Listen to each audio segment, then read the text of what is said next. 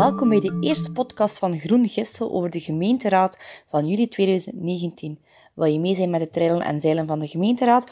Volg dan zeker deze podcast. In een tweetal minuten ben je zo mee. Onze eerste vraag ging over domein Soforas.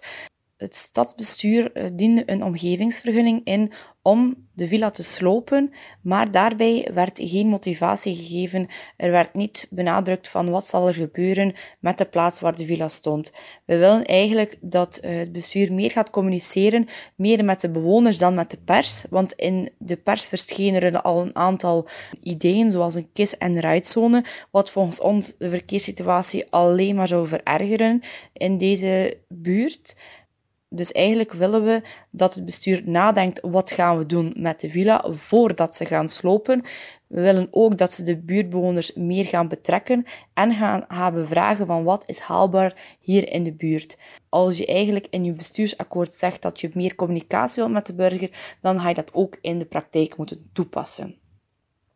Onze tweede vraag ging over het bestuursakkoord en welke inspanningen het bestuur zal doen om kwetsbare groepen meer te betrekken.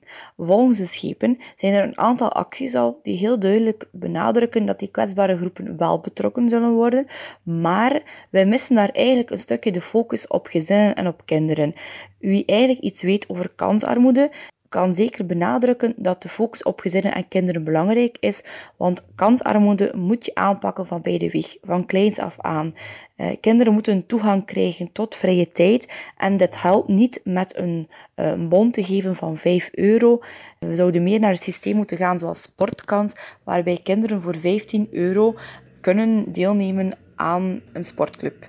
En dat hebben we dan ook gevraagd aan de schepen. De schepen heeft ons beloofd dat hij hier werk zal van maken, dat hij werk zal maken van ons overtuigen dat hij wel belang hecht aan de kwetsbare groepen. Dus we zijn met Groen zijn we heel erg benieuwd naar de komende 5, 6 jaar, maar we zullen het zeker verder opvolgen.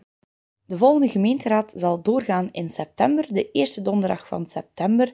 Mensen die geïnteresseerd zijn, zijn altijd welkom. En anders kunnen jullie zeker de volgende podcast beluisteren in september. Een prettige zomer voor iedereen.